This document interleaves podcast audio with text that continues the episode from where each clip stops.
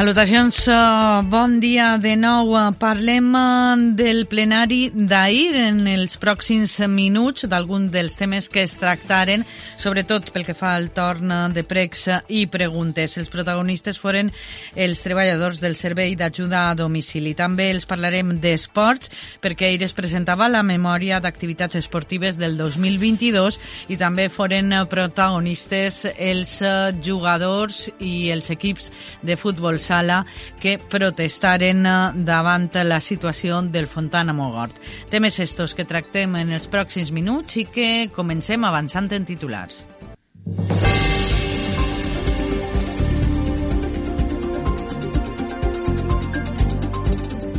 Els treballadors del servei d'ajuda a domicili reclamen a l'Ajuntament en el plenari que no es privatitzi el servei al 50% com estava previst. El govern municipal es compromet a negociar amb els 16 treballadors d'este servei, tot i la necessitat d'ampliar-lo. El futbol sala recrimina a l'Ajuntament els 4 anys sense poder utilitzar el Fontana Mogort i la falta de concreció de la seva obertura. L'alcalde demana disculpes i espera que en breu es reprenguen les obres aturades per qüestions administratives. La memòria d'activitats esportives del 2022 xifra en prop de 5.000 xiquets els que han participat en les activitats de foment de l'esport a les escoles. Diputació fa una segona entrega del Fons de Cooperació Municipals que injectaran prop de 150 184.000 euros a l'Ajuntament d'Alcira. Pirotècnia Valenciana dispararà la primera mascleta a la nostra ciutat dilluns 13 de març a les 2.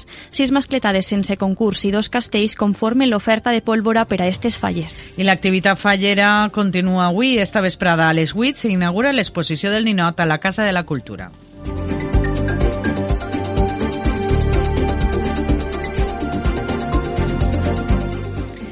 En esports, el nostre company David Jordà continuarà parlant després d'aquest temps de notícies del eh, tema Fontana Mogor. Tractarà en profunditat amb les intervencions íntegres del plenari d'ahir. També ens parlarà d'un alcireny que participa al Campionat d'Espanya de Jiu-Jitsu amb la selecció basca i del Club de Pilota Valenciana que s'ha classificat que ha classificat a sis jugadors per a les semifinals de l'individual, cinquè en raspall i una en frontó al 4 i mig. Pel que fa a l'oratge, els ruixats arriben esta vesprada a les nostres comarques acompanyats d'eixa baixada de temperatures que situen a hores d'ara les temperatures entre els 6 i els 14 graus, tot i que amb un alt nivell d'humitat. És la 1 i 33, comencem.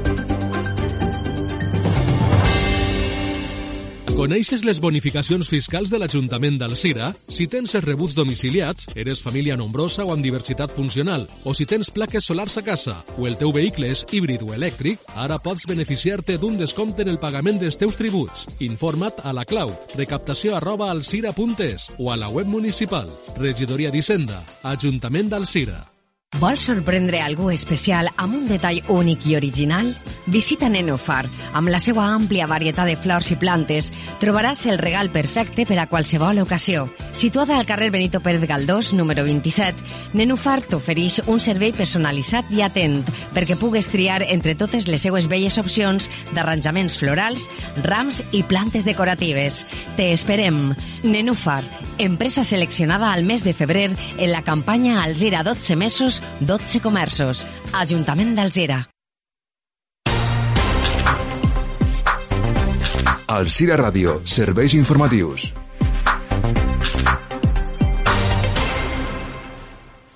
El plenari d'ahir va començar ensenyant de condol i solidaritat amb un minut de silenci per la mort del xiquet que va caure d'un tercer pis al Gira la passada setmana.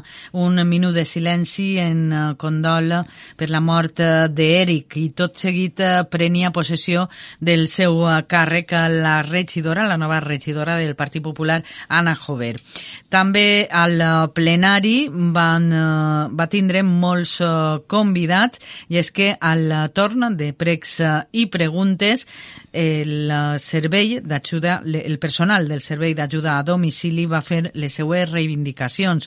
Els treballadors d'este servei i els representants dels tres sindicats, UGT, comissions i CESIF, demanaren al govern alcireny que reconsideraren la proposta de privatitzar el 50% d'este servei.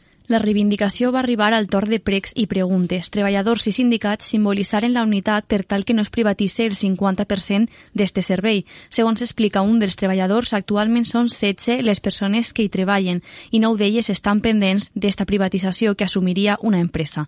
A hores d'ara, la proposta sorgeix per la necessitat d'ampliar el servei, que és insuficient. Des de Ciutadans es proposa un sistema mixt, és a dir, contractar una empresa que assumisca l'increment de feina, però sense acomiadar cap dels treballadors actuals. Escoltem Miguel Vidal.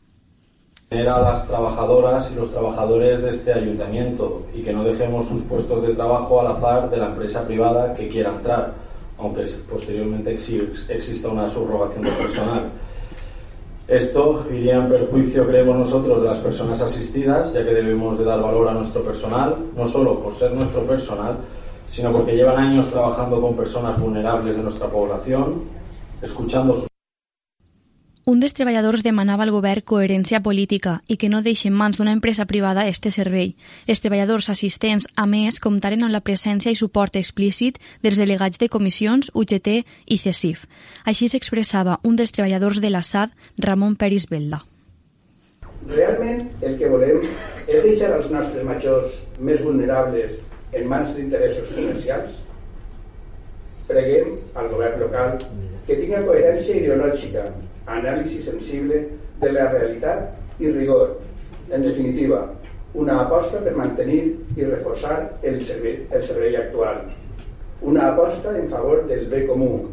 Per tant, demanem al govern local que negocie amb la, els, els representants dels treballadors amb l'objectiu de donar tranquil·litat a les persones més vulnerables de la nostra població. L'equip de govern va manifestar la seva intenció de reconsiderar la possibilitat de privatitzar el servei en un 50% com es pretenia. La regidora Gemma Alós així ho va manifestar. Revisar demà el tema, per això el deixem en stand-by i demà, eh, ja dic, des de la nostra posició en contra de l'externalització de la meitat de la plantilla actual, eh, revisarem el tema amb els companys a veure com es pot si és que es pot solucionar el tema i sobretot donar una solució a aquestes persones que ja dic, nosaltres entenem que els serveis públics s'han de donar de manera pròpia i més en un tema tan delicat per part de Compromís, el regidor Albert Furió explicava que s'anava a negociar amb els treballadors, tot i que la prioritat eren els usuaris. Furió no deixava de recriminar a Ciutadans que ara tinga interès perquè els actuals treballadors municipals del servei d'ajuda a domicili es queden, quan sempre demana que es reduïsga el capítol de personal. Pues jo tinc que dir-li que vostè en el pressupost del 2022 va presentar una proposta per la qual vostè se comprometia a donar suport als pressupostos si reduïem la plantilla de personal, tant de funcionaris com de personal laboral. Bé, doncs li tinc que dir que moltes de les treballadores del sistema d'atenció domiciliària, si nosaltres haguem acceptat el que vostè va proposar en el 2022, avui en dia no estarien treballant ni prestant el sistema d'atenció domiciliària.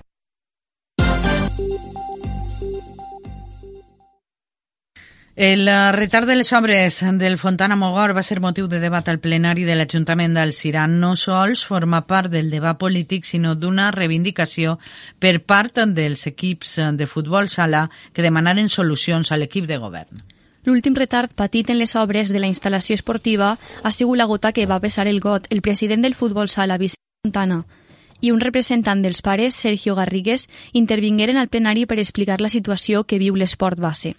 En resum, no compten amb esta instal·lació esportiva des que es tancà el 2019. Els entrenaments de les escoles de diversos esports es fan als centres escolars i si plou no es poden fer. El cost de rehabilitació del Fontana Mogort ha multiplicat per 5 el cost inicial i encara no saben quan el podran utilitzar i quan el puguen utilitzar van a comptar amb el mateix espai quan l'esport base ha anat creixent i es necessiten més espais esportius. Vicent Fontana, president del Futbol Sala. Diners i més diners que es costarà als ciutadans del Sira i ningú, ni polítics ni tècnics, han assumit cap responsabilitat al respecte. Doncs bé, venim així a, a denunciar la situació que ja és insostenible i perquè algú de vostès ens doni alguna explicació i sobretot solucions. Perquè no sé si s'han donat compte passa tot aquest temps i 3 milions d'euros després que estarem i tant de bo aplegui el moment en la mateixa situació que fa 5 anys amb quatre pistes cobertes a una ciutat que respira esport que no para de créixer amb llicències federatives També per part del president del futbol sala es reclama més atenció al Palau d'Esports després del trencament del parquet pel campionat d'alterofília. L'alcalde Diego Gómez demana disculpes i es compromet a agilitzar la reanudació de les obres el més prompte possible. Precisament ahir s'aprovava el pagament de les últimes certificacions d'obres a l'empresa per tal que continuen, tot i deixar constància que no era per una mala gestió. Diego Gómez.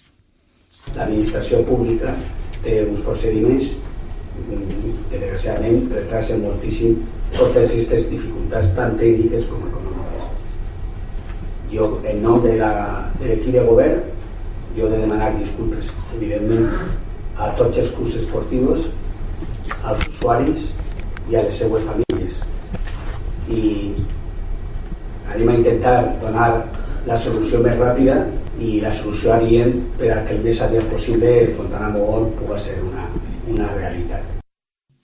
Continuem parlant d'esports perquè la regidoria d'esports presentava ahir la seva memòria anual al plenari.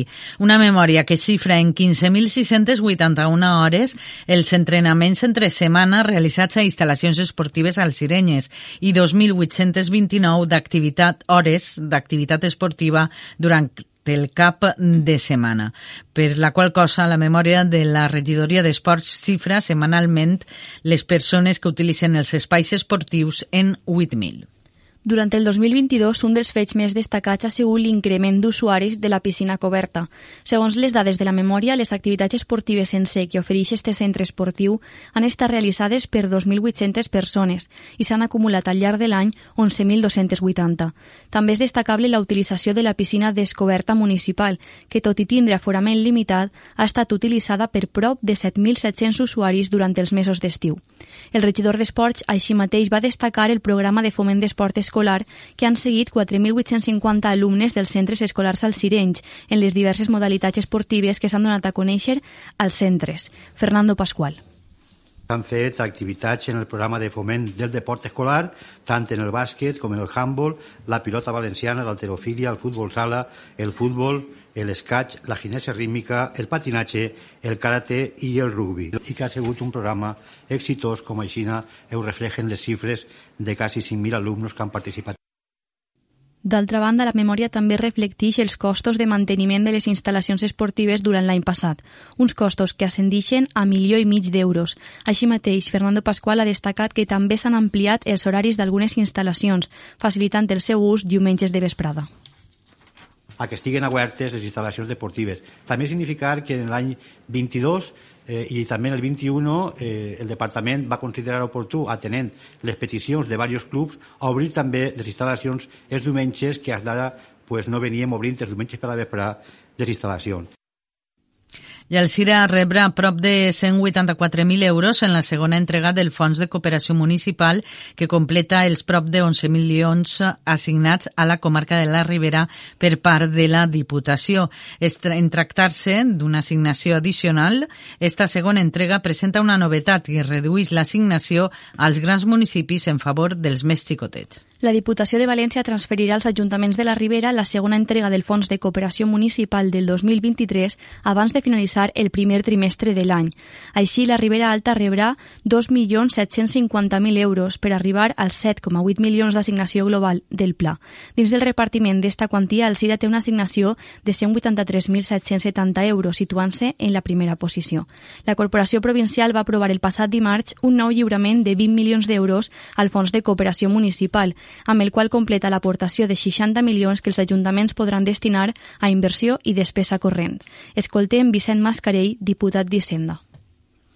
Amb este nou eh, fons de cooperació municipal, la Diputació suma fins 60 milions d'euros d'ajuda directa als municipis de la nostra província. En este cas, la Ribera és una de les comarques més beneficiades, haurà rebut aproximadament uns 11 milions d'euros, que possibilitarà que de forma incondicionada els ajuntaments eh, de la província i especialment els ajuntaments de la Ribera puguen eh, fer front a ajudes imminents, donar resposta a les necessitats derivades de, de la crisi de la guerra i de la pujada de la inflació. És un, una aportació històrica en termes econòmics.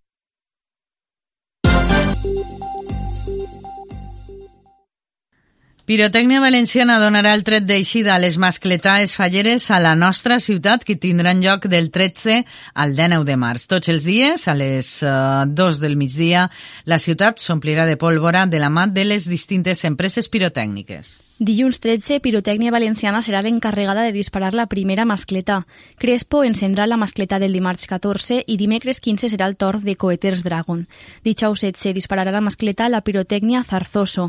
Divendres la mascleta correrà a càrrec de Mediterrània, amb posterior castell de focs d'artifici de la mà de Pirotècnia Crespo. Dissabte 18 dispararà la mascleta Hermano Sirvent i per la nit segon castell de focs d'artifici a càrrec de Pirotècnia Nadal Martí. Finalment, diumenge 9 de març, dia de Sant Josep, Pirotècnia Nadal Martí dispararà l'última mascleta abans de la crema de les falles.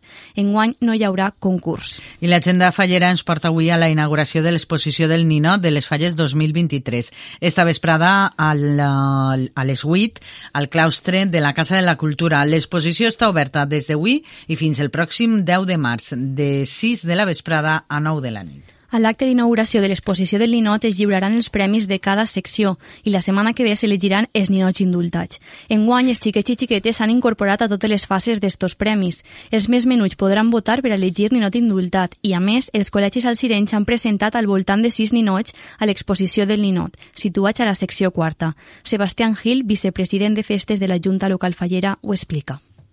Y sobre todo lo, curioso son eh, los, los, colegios que han presentado seis o siete muñequitos de colegio y hay algunos que es una monada. Donde está la sección cuarta grande están los colegios que este año también, además tendrán su premio también. En fin, ya había concurso de, de fallitas infantiles de, para los coles y ahora pues además es, hay alguno que de verdad se lo ha ocurrido un mogollón. La jove il·lustradora de Gandia, Amanda Cerdà Sebastián, ens ha portat al Cira una curiosa exposició en una barreja d'obres digitals i originals en mostre, es mostren eh, rostres, sobretot femenins, contant-nos alguna història d'estels i textures dibuixades de la lluna. Amanda Acerse va estudiar Belles Arts i és la il·lustradora dels llibres del poeta La meua pau. L'exposició que presenta al Cira és la primera, com a tal, per a que siga itinerant. Gràcies a la falla pintor Andreu, que l'ha inclòs a la seva setmana cultural, es pot veure fins a demà divendres. La mostra es diu Com la lluna, tal com explica ella mateixa, és com un reflexe dels éssers humans que realment eh, no és altra cosa que, que fases, no? Fases que tenim totes les persones eh, i m'agrada molt no, equiparar-ho amb les fases de la lluna. Eh, I efectivament, bueno, eh, veureu que són tot dones, eh, són, és, la figura femenina és la que jo m'inspire, uh -huh. eh, dones de la meva família, no? les meues amigues, eh, són dones fortes, amb molta història darrere, i que, bueno, que a mi m'ajuda un poc la figura femenina a poder expressar no? tot allò que, que sent. I uh, també els contem que esta vesprada recorden a les 6 i mitja la Biblioteca Municipal Club de Lectura a Mulleres Lila amb la lectura del llibre La trena de l'escriptora Laetitia Colombani. L'oratge.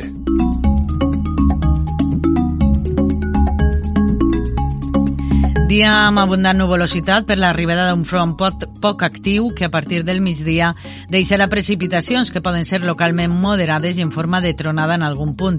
També seran en forma de neu per damunt dels 700-800 metres a mesura que avance la vesprada, ja que la cota inicialment estarà per damunt dels 1.200. Les temperatures començaran a baixar i l'ambient serà més hivernal de manera general a tot el territori. Demà tindrem pas de núvols mitjans i alts que avançaran de sud a nord del nostre territori. Seran més presents per les comarques de València i Alacant i més clars tindrem per Castelló. En tot cas, tot i que podria escapar-se alguna gota o ruixat puntual, no esperem precipitacions. Les temperatures seguiran a la baixa i l'ambient serà de rigorós hivern. Al litoral no superarem els 14-15 graus, mentre que per l'interior el mercuri rondarà els 10-12 graus de màxima. Pel que fa al vent, pel matí entrarà fluix de ponent i al migdia rolarà a component marítima també fluix.